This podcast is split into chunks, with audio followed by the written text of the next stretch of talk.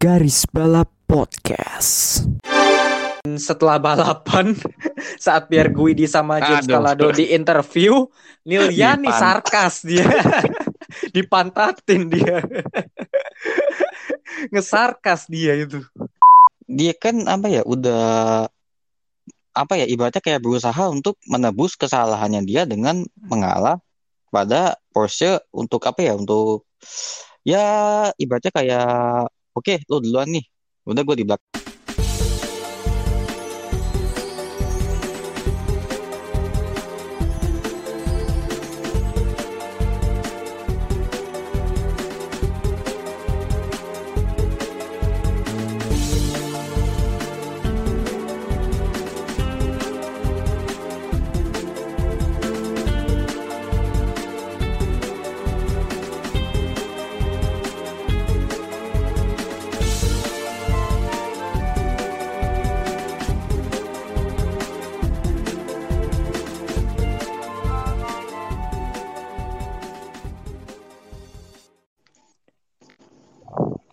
kembali lagi di garis bal bersama double test driver andalan anda gue bagus.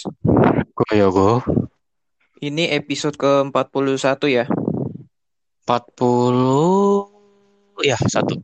Gak berasa banget ini udah 41 dan 9 episode lagi menuju setengah abad episode garbal. apa iya kan? Gak berasa, gak berasa aja udah ini ya udah masuk November aja. Udah episode 41 Iya, dan kita terus konsisten terus sih. Dan Hmm, apa namanya gak, gak berasa ini udah memasuki akhir perteng akhir dari musim balap ya. Beberapa balapan udah mulai selesai diselenggarakan dengan sangat bagus dan juga ya ya itulah pokoknya udah udah memasuki akhir musim. F1 dikit lagi habis, WEC sudah selesai, MotoGP juga sudah selesai. Iya Ya, kayak baru kemarin deh kita tuh nggak apa namanya eh testing gitu. Masih masih masih masih testing di Bahrain untuk F1 masih masih awal musim lah pokoknya. Sekarang udah akhir musim gak berasa pokoknya sih. udah mau masuk apa ya udah mungkin udah mau masuk awal tahun berarti ya berarti kan awal kompetisi ya Awal kok ya awal kompetisi apa dua minggu dua bulan lagi sih bukan lagi ya? Dua bulan lagi dan ya nggak berasa sih antara kita apa ya? Antara sedih bahwa musim ini akan selesai atau memang ya kita seneng. Nggak sabar senengnya tuh nggak sabar eh, dengan musim yang akan datang gitu sih. Iya anyway suara lu mendep banget Pak. biasanya juga ag- agak-agak apa sih ada sariawan dikit oh ya udah GWS deh ya Eh. Eh, itu dulu dan ya udahlah nikmati beberapa balapan sisa akhir musim ini sih terutama F1 yang ini tengah sang apa ya perebutan gelarnya cukup ketat iya ketat banget antara Hamilton Verstappen ya. iya ini berbeda dari beberapa musim sebelumnya sih yang cukup didominasi oleh Hamilton tapi kalau sekarang sih dibilang Hamilton dominasi nggak juga tapi Verstappen dominasi banget juga nggak juga sih ya nggak sih betul ya naik apa satu dua kalau gue bilangnya sih satu dua satu dua Iya, dan masih ada beberapa orang yang menganggap bahwa F1 itu dominasi mulu sama Hamilton. Pak. Musim ini enggak sih menurut gua. Enggak, enggak. Ya mung- mu- mungkin beberapa balapan dia dominasi, tapi beberapa balapan juga meskipun dia menang, tapi beberapa juga dia kesulitan juga gitu. betul betul even di 2019 aja meskipun didominasi Hamilton tapi nggak dari awal balapan sampai akhir Hamilton malah menang pasti kan ada salah satu pebalap yang podium ke satu gitu loh Iya, ada beberapa intinya sih eh, perebutan antar pimpinan balap itu cukup ketat lah, nggak meskipun ya lagi-lagi Hamilton lagi Hamilton lagi tapi ya tetap aja lah apa namanya tetap seru gitu pasti ya. ada satu pasti ya contohnya Gasly terus juga Perez juga pernah kan? Iya gitulah pokoknya. Oke eh, jadi episode 41 ini kita mau bahas soal apa yok?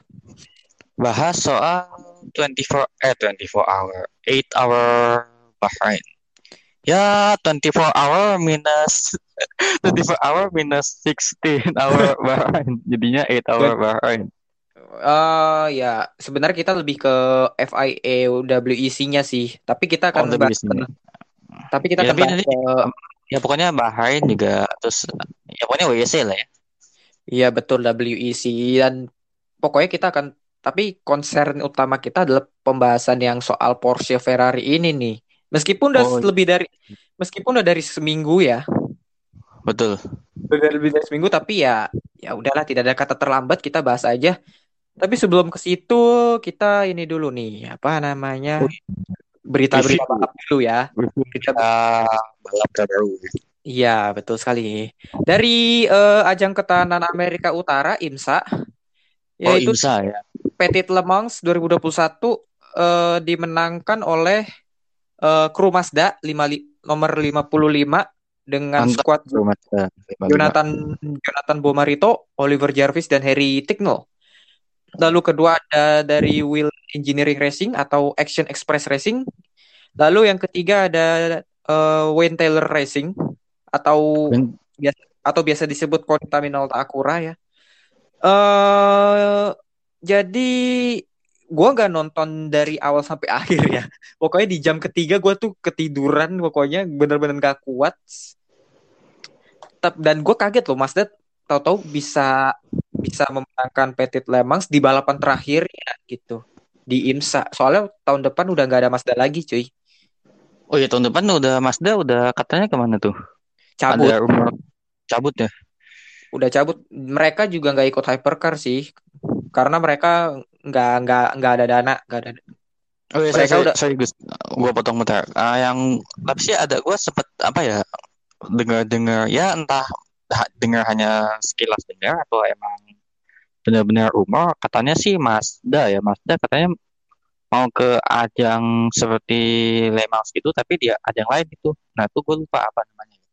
hmm sebenarnya ada sempat ada rumor bahwa dia akan ikut hypercar tapi dikonfirmasi dari Mazdanya sendiri tahun depan tuh belum belum hypercar loh Eh, belum masuk LMDH loh Oh mas eh, apa ya itunya belum me- memenuhi ya?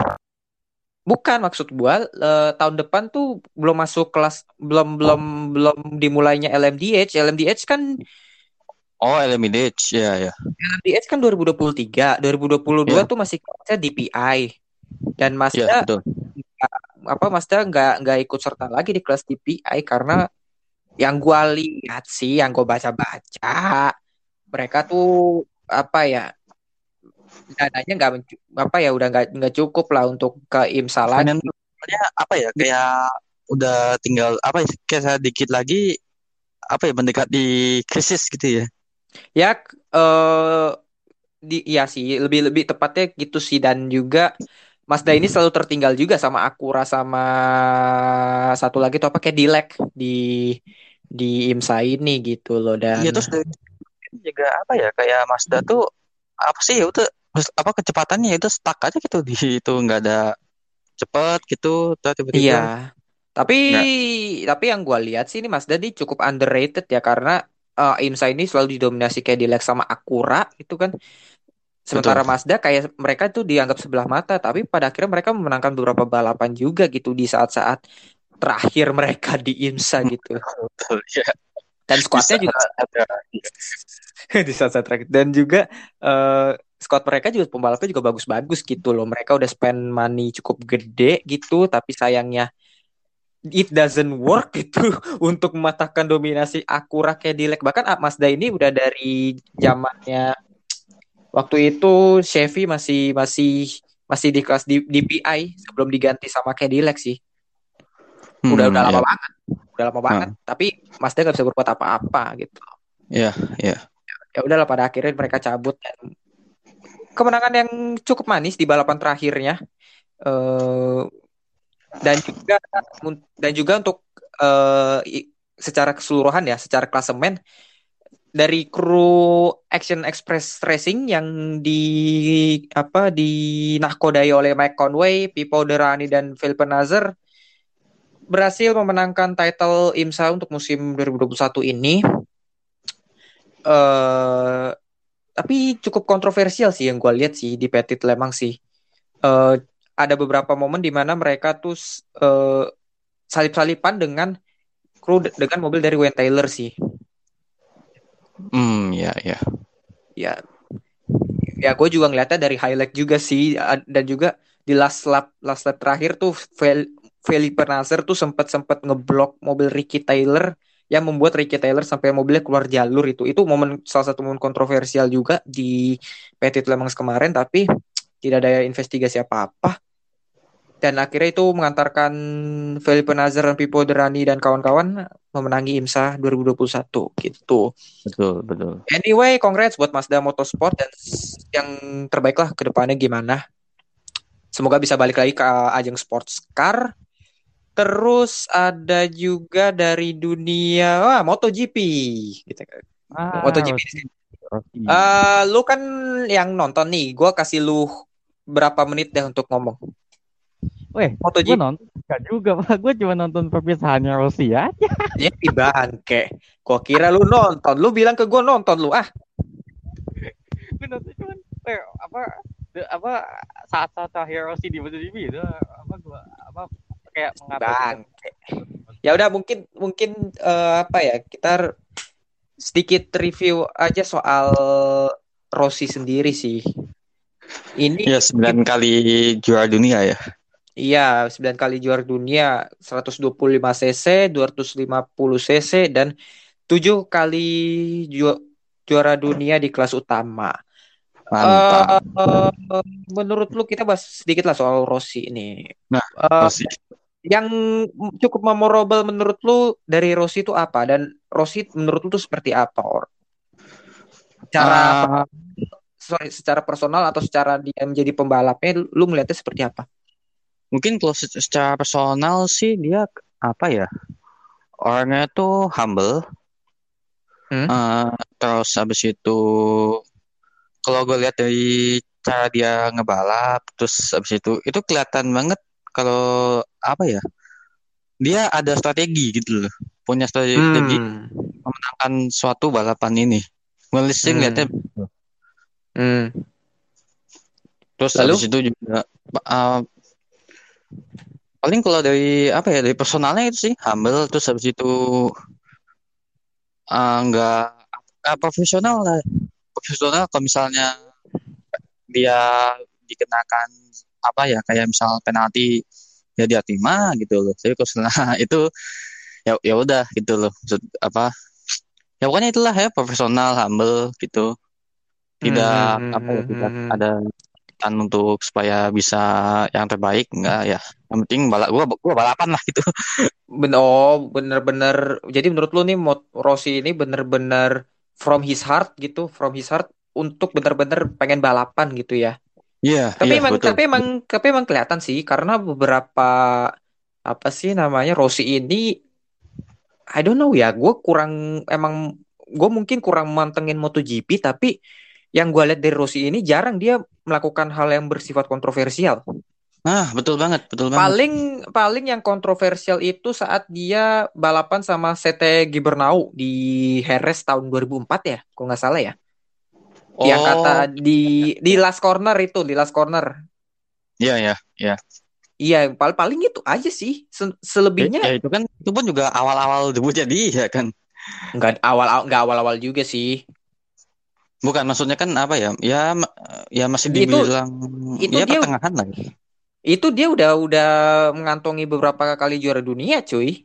Udah bisa dibilang level top itu dia di tahun itu.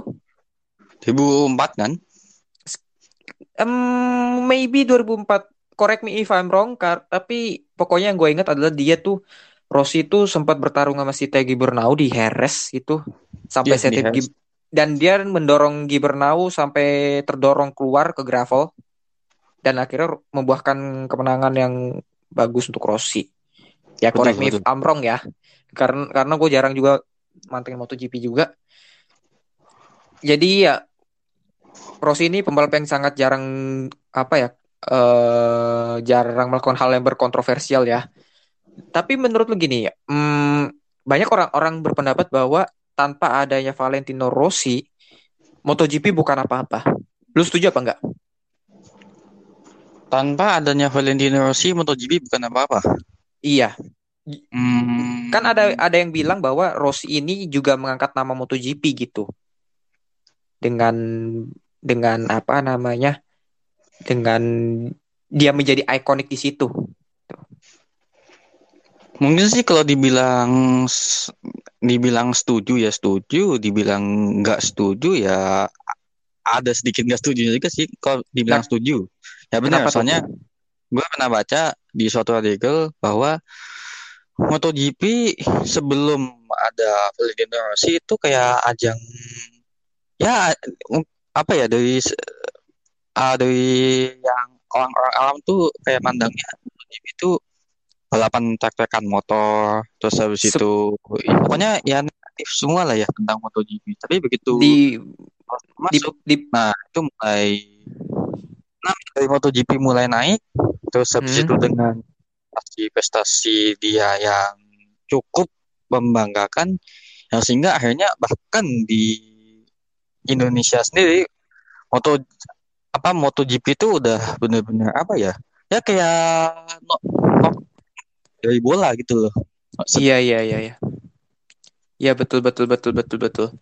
Dan juga apa ya eh mot tan- eh, apa namanya Rossi ini ya seperti yang lu bilang tadi bener-bener ngangkat nama MotoGP Rossi ini ngangkat Mo- MotoGP banget ya dan eh mungkin gue menambahkan mungkin sebelum ada Rossi MotoGP dianggap dianggap sebelah mata ya karena betul waktu itu di banget di apal terutama di Eropa. Eropa tuh lebih didominasi oleh olahraga bero, ol- motorsport beroda empat gitu. Ya sementara roda du- mobil roda dua jarang. Bukan jarang sih lebih ke tidak semenarik roda empat mungkin ya. Gue iya nggak gue iya. ya mung- mungkin gue bisa bilang paling hanya beberapa negara doang yang yang cukup benar-benar menggemari kayak Spanyol atau Itali. ah Inggris Italia pun bah Inggris pun Inggris pun bahkan gue nggak menganggap bahwa mereka suka balap motor sih gue rasa Inggris kayaknya nah, nah, kalau Eropa tuh udah Italia sama Spanyol aja kalau MotoGP ini kalau motor ya Iya iya iya iya iya iya iya. Tapi lu ada nggak setuju kenapa tuh kalau nggak setujunya? Nah kalau nggak setuju, nggak kalau nggak setuju aja gini, eh kan di- dibilang MotoGP tanpa Valentino Rossi bukan apa-apa. Yes. Nah itu tanpa Valentino Rossi-nya itu sampai kapan gitu loh? Maksud gue gitu, maksudnya sampai dari mulai kapan sampai kapan gitu loh? Kalau misalnya dari Hmm. dari awal di berdirinya MotoGP sampai di akhir karirnya dia sebagai pebalap MotoGP mungkin ya, tapi kalau misalnya setelahnya ya kan kita banyak lihat pebalap-pebalap seperti Lorenzo, Marquez, terus habis itu Pedrosa. Nah, mereka-mereka inilah yang kalau dari apa ya, sepengamatan gue tuh ibaratnya apa ya, meneruskan itunya apa eh, perannya Rossi di MotoGP seperti itu. Jadi Tep- ya katakan Rossi Rossi ya tenggelam nih, tenggelam. tapi naik Marquez, naik Lorenzo, naik Pedrosa, terus Oh. Ya ya ya ya ya ya ya. Jadi tetap keangkat gitu loh MotoGP. Bahkan di Hmm. Indonesia pun juga MotoGP ya udah seperti tadi yang gue bilang jadi ajang apa ya nomor dua setelah bola gitu loh. Ber- Hmm. sama otomotif roda empat beda banget. Moto- MotoGP di sini intinya udah bener-bener itu masih F1-nya masih jauh lah. Gue gue bilang sih gitu ya. Meskipun F1 sekarang ini udah mau mendekati MotoGP sih dan fana apa ya namanya fanatisme akan F1 di Formula 1 udah mulai meningkat sih di Indonesia sih. Kalau yang gue lihat ya. Ya makanya itu sih peran kita dari guys balap meningkatkan eksistensi roda empat di Hmm. Indonesia seperti Ya, itu. kurang lebih gitu sih. Itu visi misi kita sih. eh tapi gue setuju sih eh, dengan tidak ada misalnya asumsi Rossi tidak ada di MotoGP selama dari karir dia lah dari apa the whole of MotoGP season atau apalah pokoknya. Asumsi Rossi nggak nggak jadi pembalap yang sesukses sekarang.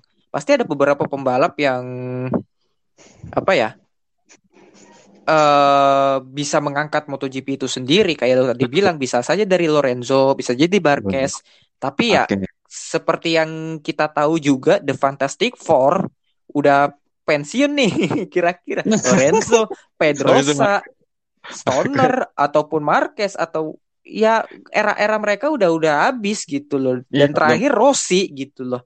Dan sekarang muncullah nama Quartararo, Banaya, Joan Iya. Mir, Jack Miller. Jadi dan Mark Marquez pun gua gua dan Mark Marquez pun gua rasa gua nggak gua kenapa ya sejak sejak Marquez cedera itu gua nggak lihat Marquez ini bisa kembali ke prime ya? Bukannya Ya. gua bukannya gua berpendapat sebagai istilahnya bukan fansnya Marquez bukan. Tapi yang gua lihat tuh sejak dia cedera itu yang di Harris musim lalu 2020 itu merubah segalanya gitu loh. Karirnya sekarang kan berubah 180 derajat. Ya ibaratnya kalau di bola Messi di Barca sama Messi di PSG gitu kan ya. eh kurang lebihnya kayak gini sih. Eh siapa ya kalau di bola ya yang istilahnya yang sebelum cedera tuh dia tuh jago banget tapi giliran dia cedera cedera cedera cedera mulu dia jadi melempem ya kurang lebih gitu Oh. kayak pemain pemain bola gitu lah Ya ya ya ya. Paham, kan ada paham. pemain beberapa pemain bola yang benar-benar di masa prime-nya tapi di giliran dia cedera drop langsung dia nggak bisa Betul. belum bisa Paham. mengembalikan performanya naik Marquez tuh Iya. seperti itu gitu loh Ya, meskipun itu. Meskipun ya eh, dia mengantongi beberapa kemenangan setelah dia cedera tapi yang dibutuhkan di MotoGP itu kan konsistensi kan konsistensi betul. Iya, sepanjang musim bukan soal lu jumlah kemenangan lu. Kalau lu meraih misalnya tiga kemenangan tapi sisanya lu naik turun naik turun naik turun ya lu nggak akan juara juga gitu loh. Ya betul betul. Iya gitu. Ini Konsistensi. makanya Marquez ini makanya eh, konsistensi ini yang belum didapat Marquez sih. Gue belum lihat prime-nya dia lah gua rasa gitu. Oke itu aja mungkin dari MotoGP soal Rossi juga. Jadi ya Valentino Rossi selamat pensiun, Grazie Vale dan Vale. semoga semoga saja ke Le Mans ya. Lemas, mo- Lemas motor. Oke, mantap. Bukan Le Mans motor juga dong. Maksudnya ke roda empatnya. Oh, roda empatnya. Soalnya dia kan pernah empat, roda empat, mantap. soalnya dia kan pernah membalap di kelas GT juga kan, tapi bukan Le Mans. Iya, iya. Di ya gitu sama Ferrari gitu. Ta- ta- Tapi Bro. jadi ini sih, jadi apa sih, jadi wow sih nanti beritanya jadi hits dari- roda dua terus ke roda empat gitu. Ya nggak apa-apa. Justru kalau misalnya dia ke, dia ke WEC, ini malah mengangkat nama WEC atau ajang yang ia tempati. Oh, betul, gitu. betul, betul banget, betul banget, betul banget. Iya, WEC karena nggak, menurutku mungkin W- WEC di ya kita bicara di Indonesia dulu ya. Jadi setara dengan MotoGP. ya nggak setara juga sih. Kayak lebih ke apa sih namanya keangkat lah pokoknya sih. Gitu. Dengan adanya hypercar aja nih nama WEC udah keangkat loh. Sejujurnya. Keangkat perlahan ya. Iya, keangkat perlahan, perlahan, perlahan. Tinggal tunggu 2023 gimana. Nah, sekarang ada Rossi nih. Rossi pensiun. Ya, semoga aja dia ke WEC ya dan berkompetisi Ya, di ke semoga. Le Mans ke roda 4 gitu kan meskipun di kelas GTM tapi ya coba-coba aja lah gitu loh. Oke, Betul. Grazi Vale. Kita ke Mandalika sedikit deh.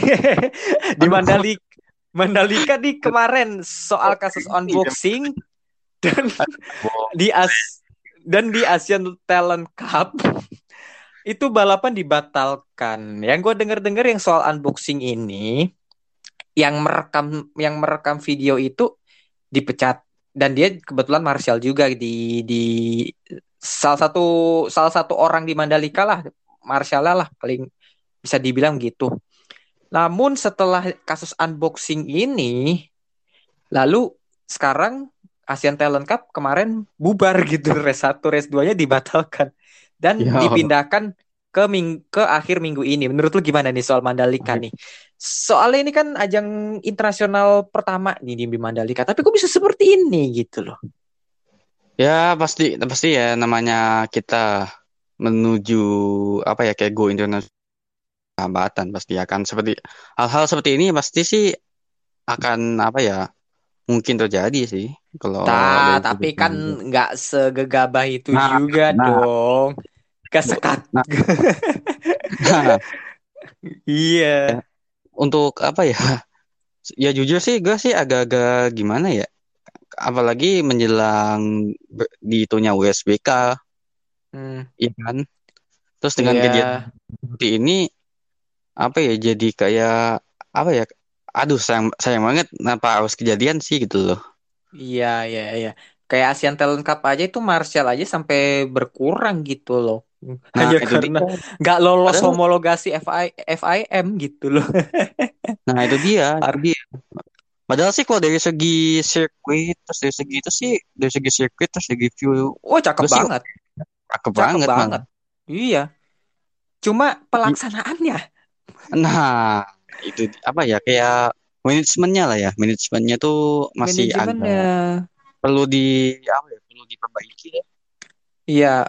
At- atau bisa jadi sih gini ya. Gue nggak tahu ya. Mereka tuh panitia penyelenggaranya kenapa sih kayak Oke, kekurangan Martial. Misal kok Martialnya sakit atau apalah, ada halangan hadir atau apalah. Kenapa nggak didatengin Martial cadangan gitu loh dan Nah, itu atau dia. apa biar biar menambahkan menambah kuota Martial gitu kan? Ya gue lagi-lagi gue nggak ahli dalam bidang ini sih, tapi kenapa sih why gitu loh? Kenapa nggak pakai ini. yang kenapa nggak pakai Mar nggak ada Martial cadangan dan kok bisa se se se ini hal yang sebenarnya eh ya mungkin ada yang nggak setuju sih. Ini sebenarnya hal yang receh sih, tapi sangat penting gitu loh dalam penyelenggaraan. penting, penting banget soalnya. Receh tapi Martial. penting gitu loh. Iya, Martial tuh penting banget itu. Atau Apa atau kayak, jangan kayak atau sebagai, sebagai pelengkap kan gitu ya. nggak pelengkap juga sih, kayak lebih ke Martial tuh penting dalam dunia balap sih. Mereka yang istilahnya kalau ada kecelakaan, mereka yang Nah, garda pertama yang berada di lokasi kejadian gitu loh dengan ya. memindahkan mobil atau ngasih aba-aba ketika ada pembalap yang mengalami kecelakaan ya harus di apa dipanggil medis kah atau gimana mereka yang mengibarkan bendera peringatan dan segala macem peran mereka penting loh Martial ini Iya. ya seben- se- sebenarnya kekurangan Martial ini tuh hal yang receh tapi sebenarnya penting gitu loh karena kok bisa sih ini tuh Martial kok kurang kok kurang kok bisa gitu loh Gak, nggak paham gue sama Mandalika ini Iya, iya. ya Martial. gitu dah Iya, iya. Ya udahlah daripada ini ya kita berdoa aja semoga pe- pelaksanaan apa namanya pelaksanaan Mandalika ini dapat berjalan lancar di WSBK untuk musim depan. Soalnya kita udah mulai ke ranah MotoGP nih. Udah udah udah. Udah apa menjadi tuan rumah MotoGP. Gitu sih. Terus ke roda dari roda 2 kita ke roda 4 ya. Kembali ke roda Nah, 4 Brazil. Eh, sebelum ke Brazil kita ini dulu deh ada beberapa news news hari ini. Giovinazzi resmi keluar dari Alfa Romeo akhir musim Wow. ini dan ia dan dia langsung beberapa jam setelah dia diumumkan dia bahwa ia keluar dari Alfa Romeo, ia langsung mengumumkan bahwa dirinya akan ke Formula E bersama Dragon Penske Autosport. Formula E. Iya, jadi bisa dibilang tahun depan ya moga-mogahan, moga-moga, semoga-semoga ya Formula E di Jakarta. Berarti kita bisa bertemu dengan Antonio Giovinazzi di Jakarta, semoga Mantap. saja. Tapi menurut lu nih, Giovinazzi keluar dari Formula 1, banyak yang menyayangkan soal kejadian ini karena eh, beberapa fans F1 tuh eh, cukup cukup suka dengan Giovinazzi ya dan dia menurut beberapa bahkan kebanyakan fans menganggap dia adalah pembalap yang underrated. Menurut lu eh, Giovinazzi ini pantas nggak sih dipertahankan oleh Alfa Romeo ke di Formula 1 padahal ini udah tahun ke ketiganya dia di Alfa Romeo. Tapi performanya gitu-gitu aja. Nah, kalau lihat dari performanya ya sebenarnya nggak salah juga sih apa ya Alfa Romeo kayak tidak apa ya memperpanjang kontraknya dia gitu ya. Yang Cuman mendepaknya dia. cuman kalau dilihat dari eh dia apa ya? Kan banyak apa fans F1 yang menyayangkan dia keluar dari Formula One gitu ya. Iya. Udah pasti sih dia nggak ke Formula 1. Nah, kalau kalau gue sih gini sih apa? Ya selama karir dia dengan dia keluar dari Formula One itu dapat berjalan dengan baik, ya just do it, lakukan gitu lah. Hmm, justru justru kalau misalnya bener tuh kata lu, justru menurut gua kar- karir pembalap tuh gak akan jelek selagi dia masih tetap meneruskan apa ya, meneruskan eh, karir balapnya. Entah itu di mana aja, di F1 lah, di WEC lah, melanjutkannya atau gimana lah. Pokoknya setiap tahunnya tetap terus lanjut lanjut lanjut lanjut lanjut. Karena dengan itu eh bakat dari balapannya, bakat balapnya itu tetap ada terus gitu loh. Tetap ada, tetap ada. Dan Ritmenya ritmenya tetap ada gitu. Maksud gue iya itu. tetap ada. Dan apa ya? Ya gue sih berharap ya dia keluar dari F1 kan lo bilang tadi kan ke Formula E kan ya, Hmm. Giovinazzi. Nah gue sih berharapnya kenapa nggak ke ini aja, kenapa nggak ke WC aja? Soalnya udah banyak pebalap-pebalap Eh, di F1 yang di F1 dia gagal total tapi begitu masuk WEC prestasinya jadi meroket udah banyak eh, gitu pe- pebalap. sebenarnya ya, sebenarnya kalau dia ke Formula E itu juga mengisi jatah lowong dia kalau misalnya dia ke WEC sih. Karena Formula E ini eh, kebanyakan tuh pembalapnya dari WEC juga gitu loh. Dan dan WI dan apa WEC itu juga rentang dari satu balapan ke balapan lainnya cukup cukup eh cukup panjang gitu loh. Padat Dan iya dan cukup panjang terutama lah emang studi jedanya lumayan banyak banget. Jadi ini makanya kenapa banyak pembalap WEC yang ke Formula E karena ya itu ngisi ngisi waktu aja di suat di ajang balapan, di ajang balap lain gitu loh. Justru ini malah Oh, justru ini malah terbuka kemungkinan bahwa Giovinazzi akan ke WEC tahun depan. oh berarti Iya. apa ya? Gampangnya gini ya, gampangnya gini. Kalau ah, ah, jadi dia dari Fo- Formula One ke Formula E apa ya supaya ah, mengisi kekosongan buat dia nanti ke apa ya kayak prepare-nya ke WEC gitu ya. Hmm, bisa dibilang begitu sih, tapi yang gua maksud tuh eh, lebih ke kalau dia ke Formula E, paling enggak kalau misalnya dia jadi ke WEC, dia tuh eh, dengan jad dengan jadwal yang begitu apa namanya selisihnya sangat panjang antara satu balapan ke balapan lain yang di WEC ini, at least itu dia tuh jadwal balapnya nggak kosong, jadi terisi terus, yaitu dengan Formula E gitu maksud gua. Di dua ajang gitu ya, ya Formula E ya, ya WC ya gitu. Makanya itu itu yang gue maksud gitu. Tapi kelihatannya eh, fans F1 akan lebih kecewa ketika mendengar nama yang menggantikan Giovinazzi yaitu Guan Yu Zhou resmi ke F1 musim depan bersama Alfa. Romeo.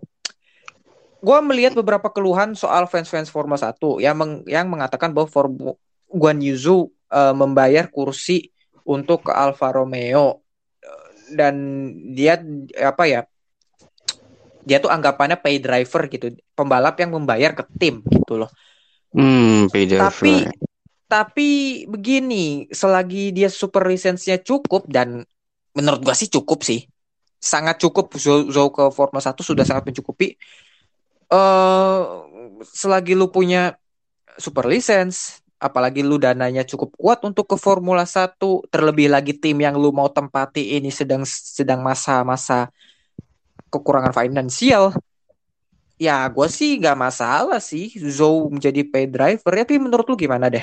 Sebelum sebelum gue menjelaskan lebih lanjut menurut lu gimana deh soal Guan Yu Zhou ke Formula 1 dan apakah lu cukup excited melihat Zou di Formula 1 musim depan Hmm, k- kalau gua sih, ya gua sih dengar kabar Super Formula 1 sih, ya jujur ya. Mendap suara lu Oh, oh sorry sorry. Ya gua sih dengar apa ya kabar. masih mendap Oh masih mantap.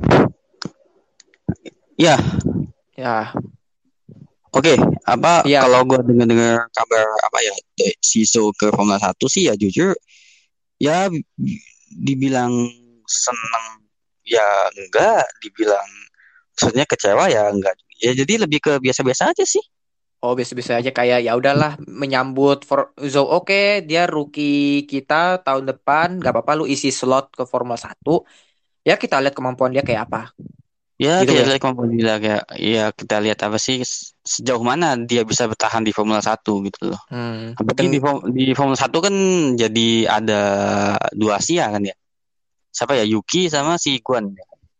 Albon satu lagi juga. Oh Al- oh iya Albon ya Albon. Jadi tiga ya, ke, malah. ke Williams dia kan.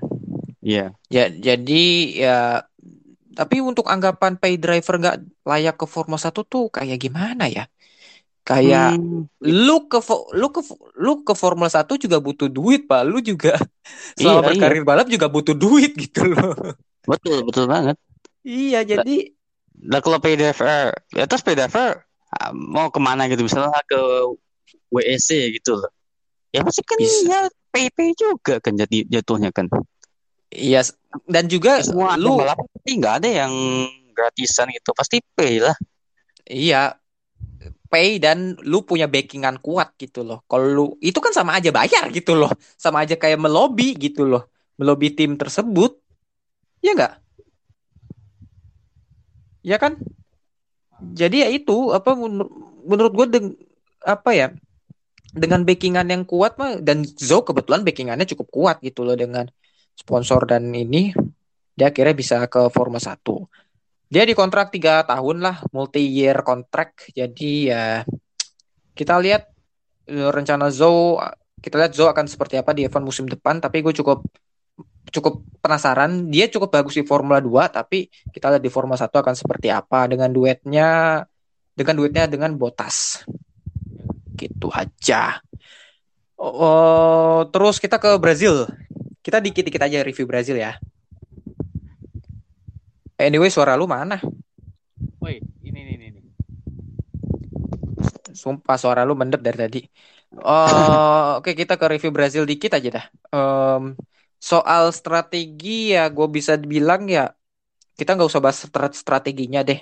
Kayak ya kalian semua tahu lah si Verstappen pada pit stop pertama sama si Hamilton eh, di sini Verstappen cukup unggul gitu. Tapi ketika masuk di pit- stop kedua itu Verstappen dibuat acak-acakan sama Hamilton diacak-acakin sama Hamilton. Tapi menurut tapi kita bahas yang ini dah, bahas yang dikit dulu yang lagi rame. Oh iya. Tikungan. Oke. Tikungan soal insiden tikungan 4 pada lap Aduh, 40 pada lap pada lap 48 yang membuat keduanya melebar. Iya. Tapi sebelumnya kita ini dulu dah hasil balapannya dulu deh. Hamilton memenangkan Brazil Sao Paulo Grand Prix diikuti oleh si siapa namanya Max Verstappen, dan Verstappen. yang ketiga Valtteri Bottas. Hampir bot lagi Aduh. sih. Tapi kita Tuh, lihat ini dulu. tahu Kit- podiumnya ngapain nonton gitu. Tapi cukup seru loh maksud gua. Oh iya, iya. Coba coba coba coba. Coba coba. Seru. Gua gua mau li- Podiumnya. secara di atas kertas emang membosankan kalau lu nggak nonton, tapi kalau lu nonton ya cukup cukup seru gitu. Iya. Kita lihat nih, gue mau tanya lu deh soal insiden di tikungan 48 ketika Max Verstappen berusaha untuk nge- menutup jalannya Hamilton untuk menyalip dia. Meskipun pada akhirnya Oh. kesalip, meskipun pada akhirnya Iya, iya. kesalip juga sih, tapi Iya. kit- tapi menurut lu nih uh, Verstappen sama Hamilton soal Iya. lap 48 di tikungan 4 menurut lu Verstappen layak di penalti nggak sih? Soalnya kenapa tuh? apa ya kelihatan banget gitu loh apa gua gua apa yang pas lu bilang pas yang kemarin lu bilang apa Hamilton Verstappen ya insiden itu gue sih masih agak-agak kayak oh paling apa ya paling cuma bulan biasa ya mengenai insiden ya. Tapi pas gue lihat ulang dari highlightnya itu kayak apa ya si Verstappen kayak ada yang ke Hamilton sih kan jalur gitu loh. Kenapa kenapa? ada sedikit apa ya ada kayak nyenggol Hamiltonnya.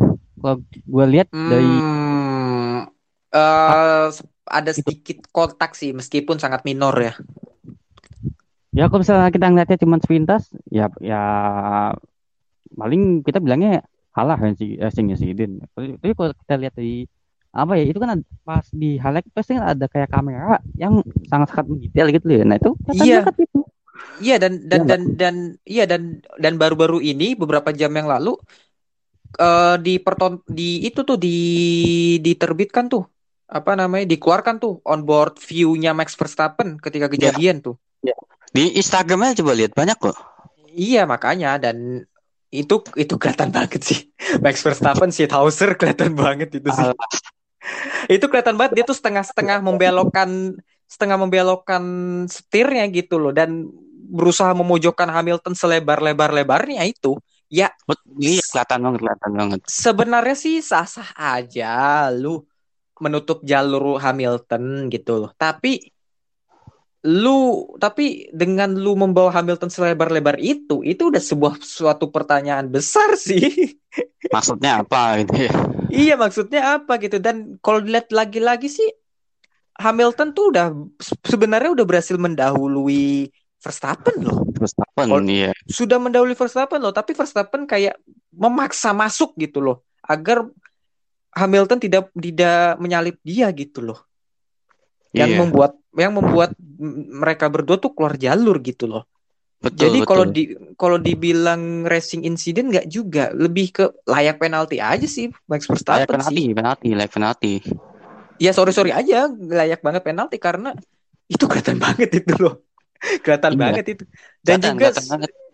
ya dan juga beberapa lap setelahnya tuh kelihatan banget bahwa Max Verstappen tuh berusaha untuk ngeblok mati-matian ngeblok Hamilton. Pokoknya dia akan melakukan segala cara untuk supaya manuver Hamilton tidak berhasil. Dan ternyata Betul, betul. manuver Hamilton berhasil juga gitu loh pada akhirnya. Tapi ini membuktikan bahwa Max Verstappen tidak mau nggak kasih gampang lah ke Lewis Hamilton dan title contender masih cukup terbuka ya untuk kedua pembalap ini. Kebuka. Hanya kebuka. berbeda hanya berbeda 14 poin. Beda 14 poin ya. Beda Iya, ma- sa- sangat memungkinkan di antara keduanya itu nanti ya yang bakal jadi apa sih? Juara di akhir Iya. musim. dan cuma tersisa tiga balapan lagi. Qatar, Saudi Arabia dan Abu Dhabi. Tiga Aduh, tiga diharap semua balap lagi balapannya. tiga balapan di Asia gitu. Tapi Lebih tepatnya di Untuk- Timur Tengah. Iya betul. Dan di Qatar ini cukup ini loh, cukup bersahabat lah bisa dibilang Iya, balapannya. Setelah tiga balapan kita di, dikasih jadwal yang sangat tidak bersahabat di Amerika, Meksiko, Sao Paulo. Brazil. Jadi sampai begadang dini hari dan akhirnya dikasih juga jadwal yang cukup bersahabat. Ya, sudahlah kita nikmati saja soal battle dari Max Verstappen dan Lewis Hamilton ini. Hamilton. Kita ke WEC ya. Kita ke pembahasan Nah, utama. sih. Mantap. Eh untuk kelas Le Mans Le Mans Hypercar Toyota nomor 7 berhasil memenangkan title WEC musim ini di kelas Le Mans Hypercar. Menandakan ini kejuaraan pertama untuk kelas Hypercar setelah LMP1 LMP1 maksud Betul. Iya. Ya, Toyota 7 dinakodai oleh Mike Conway, Kamui Kobayashi, dan Jose Maria Lopez dengan mengoleksi tiga kemenangan. Sama juga sih dengan jumlah kemenangan yang diraih oleh Toyota nomor 8, eh, rekan tim mereka, yaitu Sebastian Buemi, Brandon Hartley, dan Kazuki Nakajima. Cuma mereka bedanya di Monza. Toyota nomor 8 nggak nggak naik podium di Monza, tapi eh, Toyota nomor 7 konsisten podium-podium terus ya. Konsisten podium-podium ya cuma tiga mobil doang. Tiga mobil empat mobil lima cuma tiga sampai lima mobil doang. Jadi ya gitulah terus di kelas LMP 2 LMP 2 eh, tim WRT berhasil memenangi kelas memena- apa berhasil menjuarai kelas LMP 2 musim ini. Robin Franz, Ferdinand Habsburg dan Charles Charles Milisi. Ini tahun per- tahun pertama tim WRT di LMP2 di WEC terutama cukup terkesan sih gue sih. Terutama Terkesan. untuk terkus- terutama untuk Charles Milisi sih ini pembalap masih muda Iya, berbakat dan tahun, masih muda. tahun depan ke mana?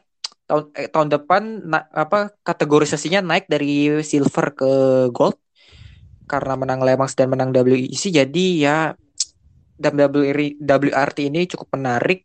Setelah kemenangannya di Le Mans lalu tiga berturut-turut meraih kemenangan di Le Mans Bahrain dua kali.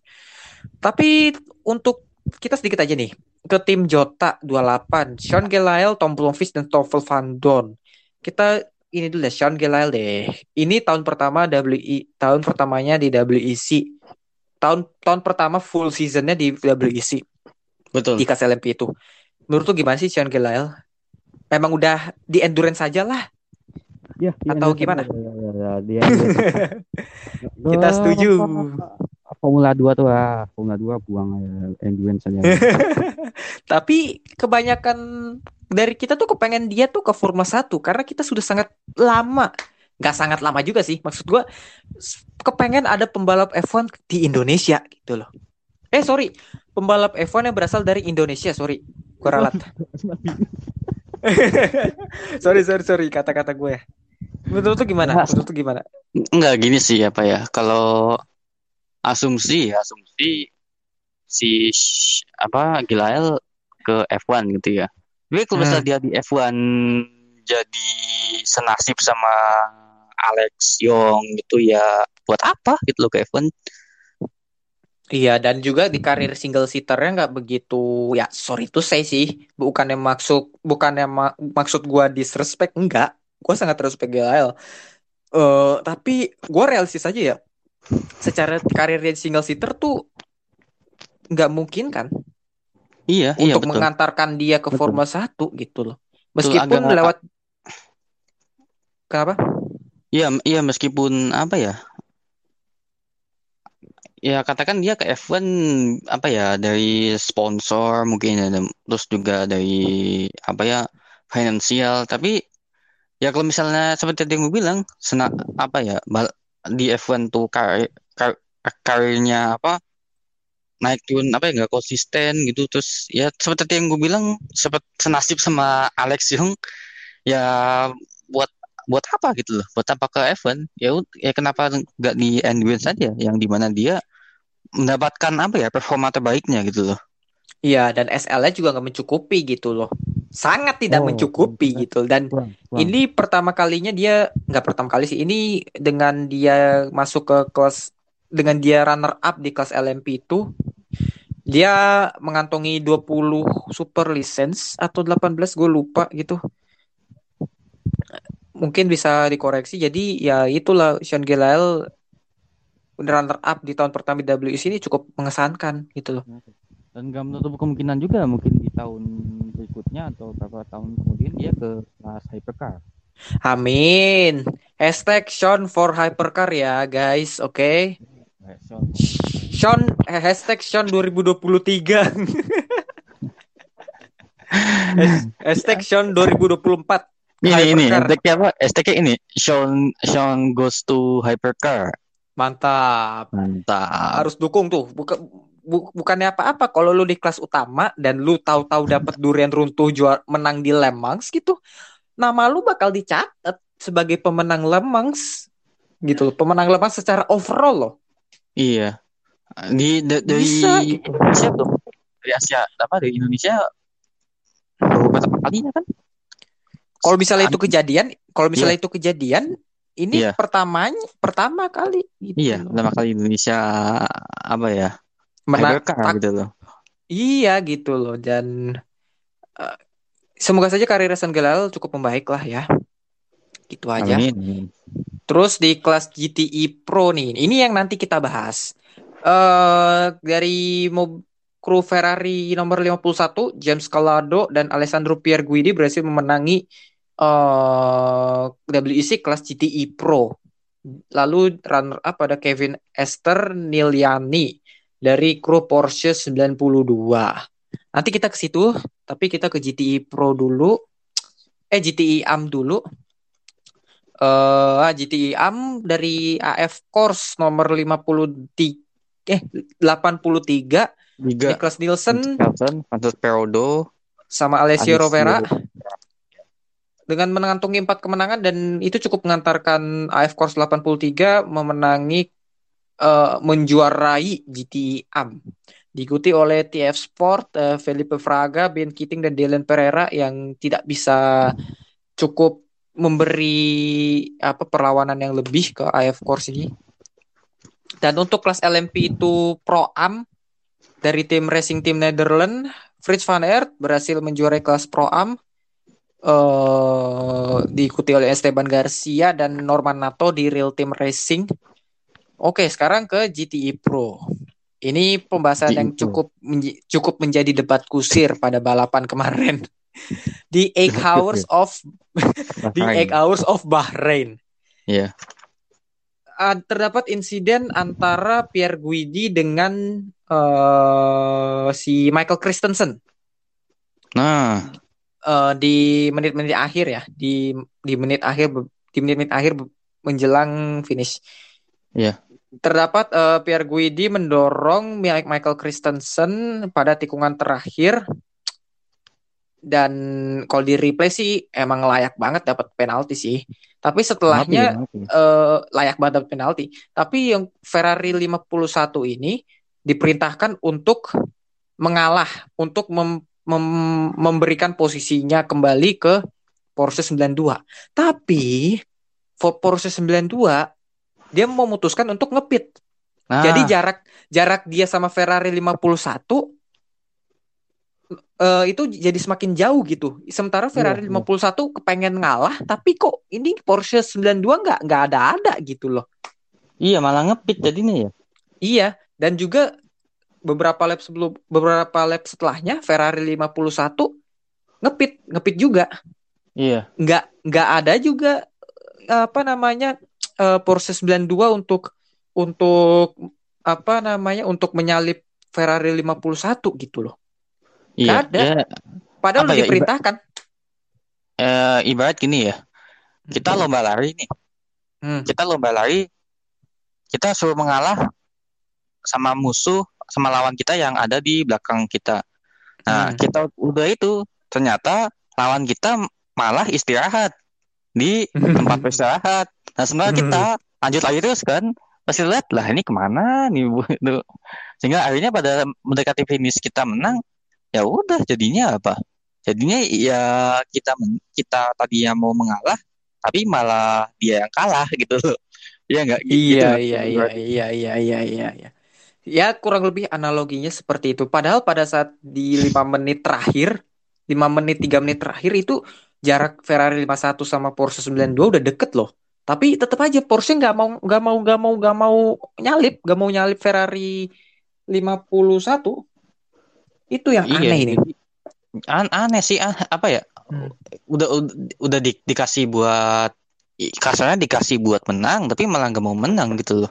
Nah, mungkin mung- mungkin ya kalau menurut gua sih Porsche ini tuh mau ini loh apa namanya mau Ferrari itu kena penalti gitu loh. Tapi sayangnya penalti itu tak kunjung datang dan setelah balapan saat Pierre Guidi sama James Aduh. Calado di interview, Liliani Dipan- sarkas dia.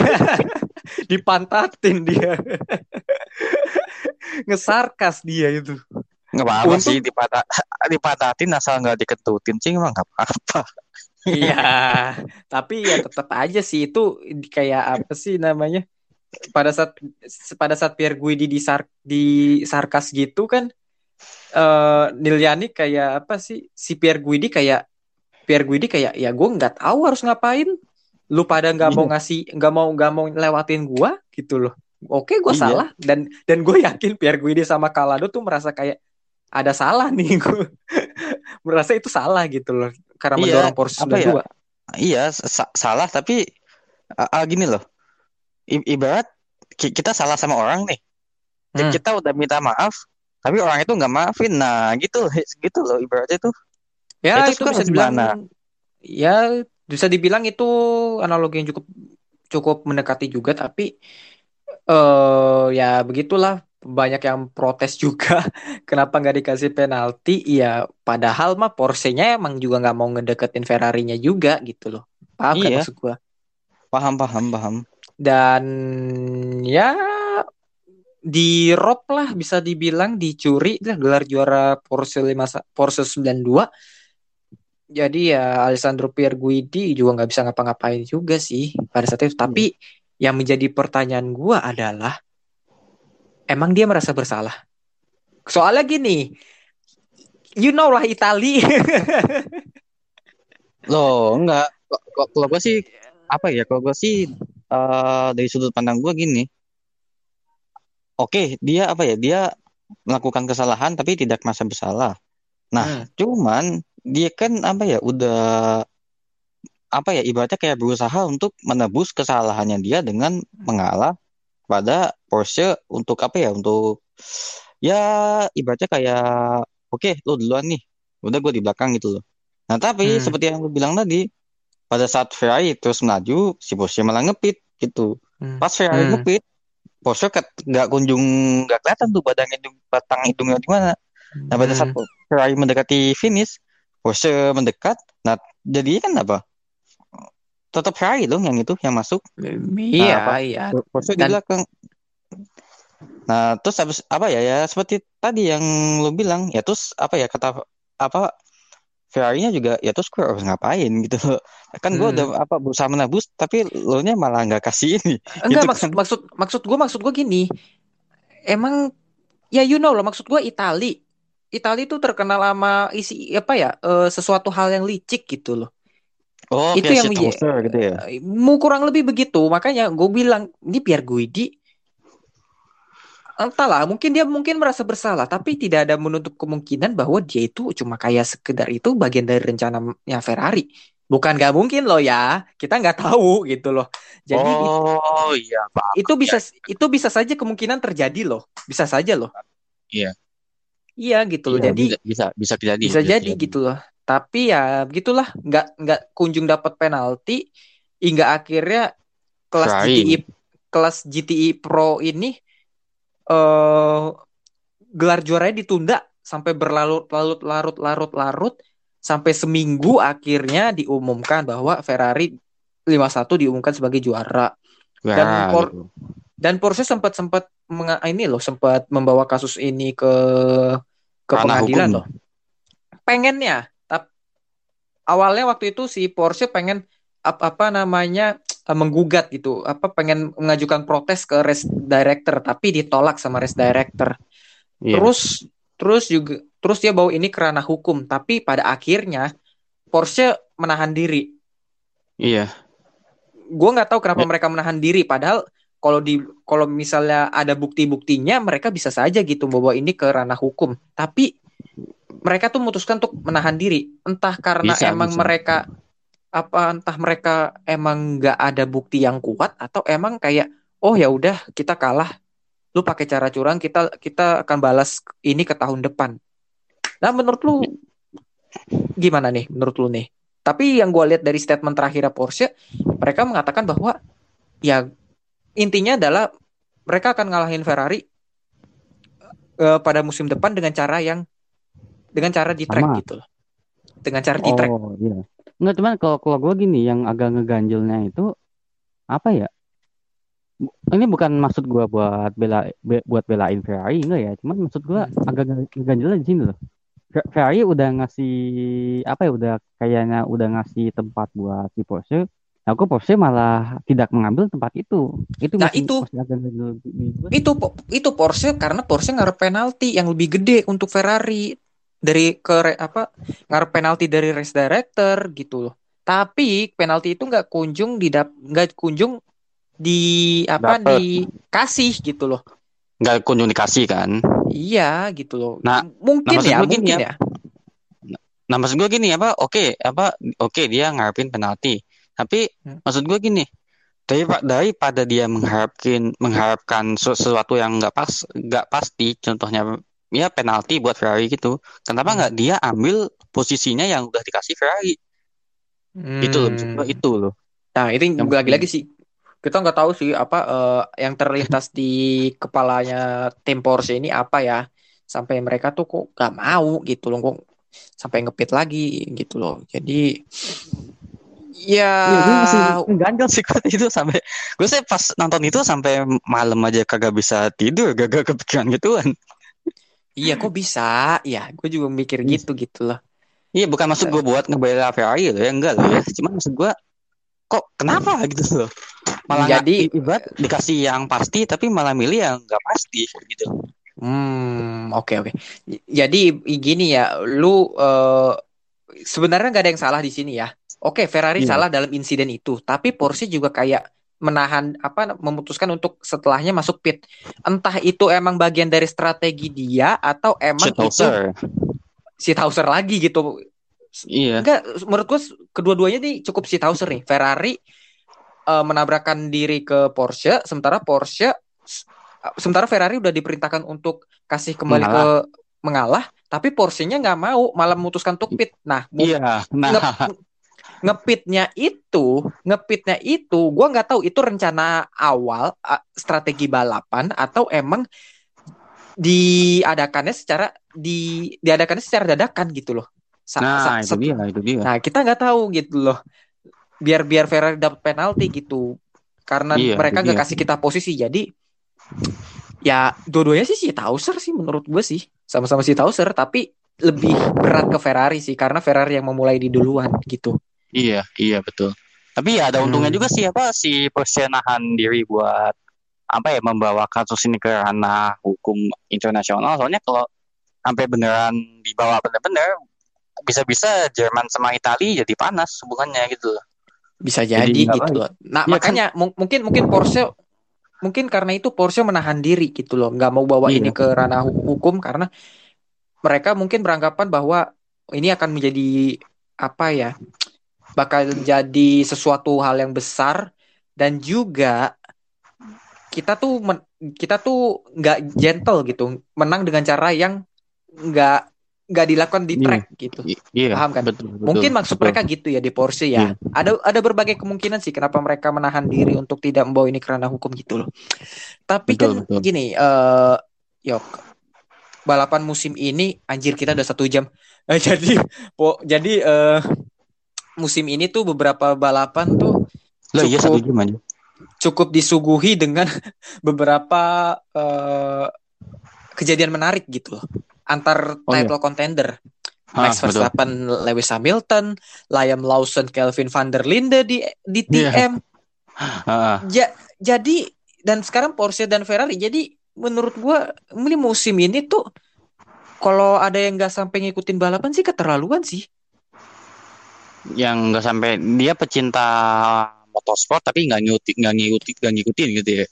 Exactly dan juga em, terutama yang di TM sih yang cut Lawson sama Kelvin van der Linde itu loh. Pada saat race pertama Kelvin Kelvin van der Linde melakukan manuver gitu kan kayak berniat untuk menabrakkan diri ke Iya. Liam Lawson tapi gagal. Nah di balapan kedua berhasil menyingkirkan Lawson sama Cassidy gitu loh. Betul betul. Dan itu sempet sempet sempet sempet viral itu di TM itu. Kasidi, itu. Kasidi sama Kasidi kan sempet apa ya kayak gental gitu ya. eh terhempas bisa dibilang sih sampai Terhempas ya. mobilnya mobilnya nggak bisa ini sih sebenarnya kontaknya kecil sih tapi tapi kayak untuk membalikan mobil itu ke jalur balap tuh sulit gitu loh itu yang Betul, buat betul. mereka melorot melorot posisinya Iya. Makanya ya, ya tadi apa seperti yang lo bilang ah, misalnya ada ada kata ada yang pe- pecinta motorsport tapi nggak ngikutin bener-bener nggak ng- ngikutin balapan ya bener eh tapi ya ada ada aja sih Gus. Kenapa ya contohnya teman kita yang inisialnya A. Jangan disebutin juga dong. Kan Ya, cuma dia- nyebutin inisial. Dia kan Aduh. dia dia sebenarnya suka balap suka balapan suka sama otomotif tapi dia nggak mau ikutin kayak F1 atau apa cuma karena masalah suara doang gitu loh. Iya suara. Masalah masalahnya gini lu menonton F1 yang lu tonton apa? Suara emang bisa ditonton? Iya betul betul banget. Suara juga oh bedanya apa? Gitu loh. Bahkan orang yang nggak bisa sih sorry ya bahkan orang yang tunanetra pun bisa menikmati Formula 1 loh meskipun suaranya begitu loh Iya, iya, betul. Serius loh, serius ada loh fans fans tunanetra tuh yang pecinta F1 banget. Dia tuh hanya menikmati mobil Formula 1 hanya dari suara doang dan dia tuh nikmati itu loh. Meskipun suaranya kita dikecewakan sama suaranya, tapi ada ada yang menikmati gitu loh. Nah, Betul, gitu, betul. gitu aja sih logika gampangnya sih. Yang lu nonton kan balapan. Emang Iya. suara lu nonton. Gitu aja sih. Sesimpel itu. Lagian juga gitu. V8, V10 emang signifikan bedanya tuh di mana gitu loh. Suara Kenapa? bedanya tuh di mana? V V10. V6 sama V10 ya. V6 Iya, V6 Ya. sama V10 atau V8 sih? V6 sama V10. ya secara suara signifikan sih perubahannya.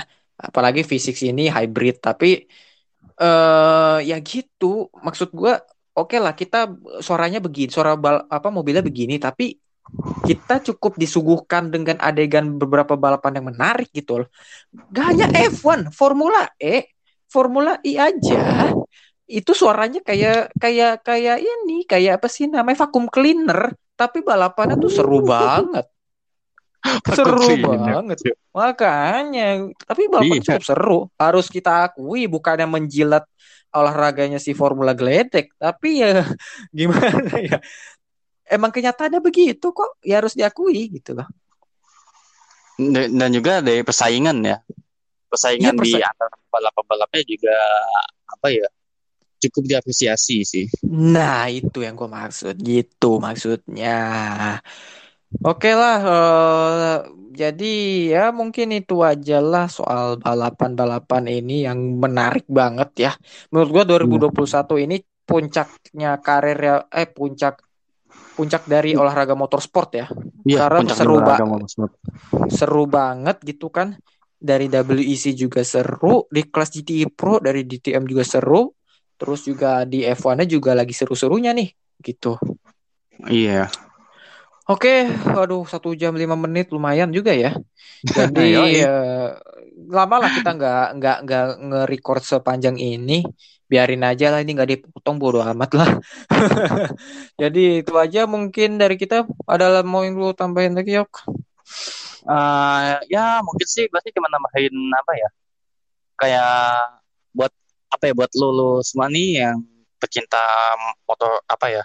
Yang menganggap bahwa olahraga maksudnya motorsport roda empat itu eh, kurang bergengsi, coba nonton WEC, coba nonton IMSA, coba nonton bahkan F1, F2, F3, F4, coba lo tonton dah semuanya. Gue tadi gue tadi gitu juga menganggap bahwa alah roda empat nih apaan sih paling nggak nggak ada gengsi-gengsinya tapi begitu gua pertama kali nonton yang namanya F1 waktu itu gua pertama kali nonton 2012 wah itu sih gila itu jadi ketagihan sih sampai sekarang makanya gua gua bisa berada di Gabel tuh ya gara-gara itu sih Hehehehehehehe. Hehehe. Ya ya ya ya. Karena ajakan gue juga sih. iya ya ajak iya ya ajakan ya iya iya Betul, betul, betul, betul, betul, Ya. betul, betul, betul, betul, betul. Oke, ya udahlah. eh, jadi ya itu aja. Kalau apa namanya, apa namanya bagi kalian yang mau ngikutin balapan ya dari sekarang sih, dari sekarang ngikutin. Lagi seru-serunya nih F1 gak ada ruginya juga lu ikutin gitu kan.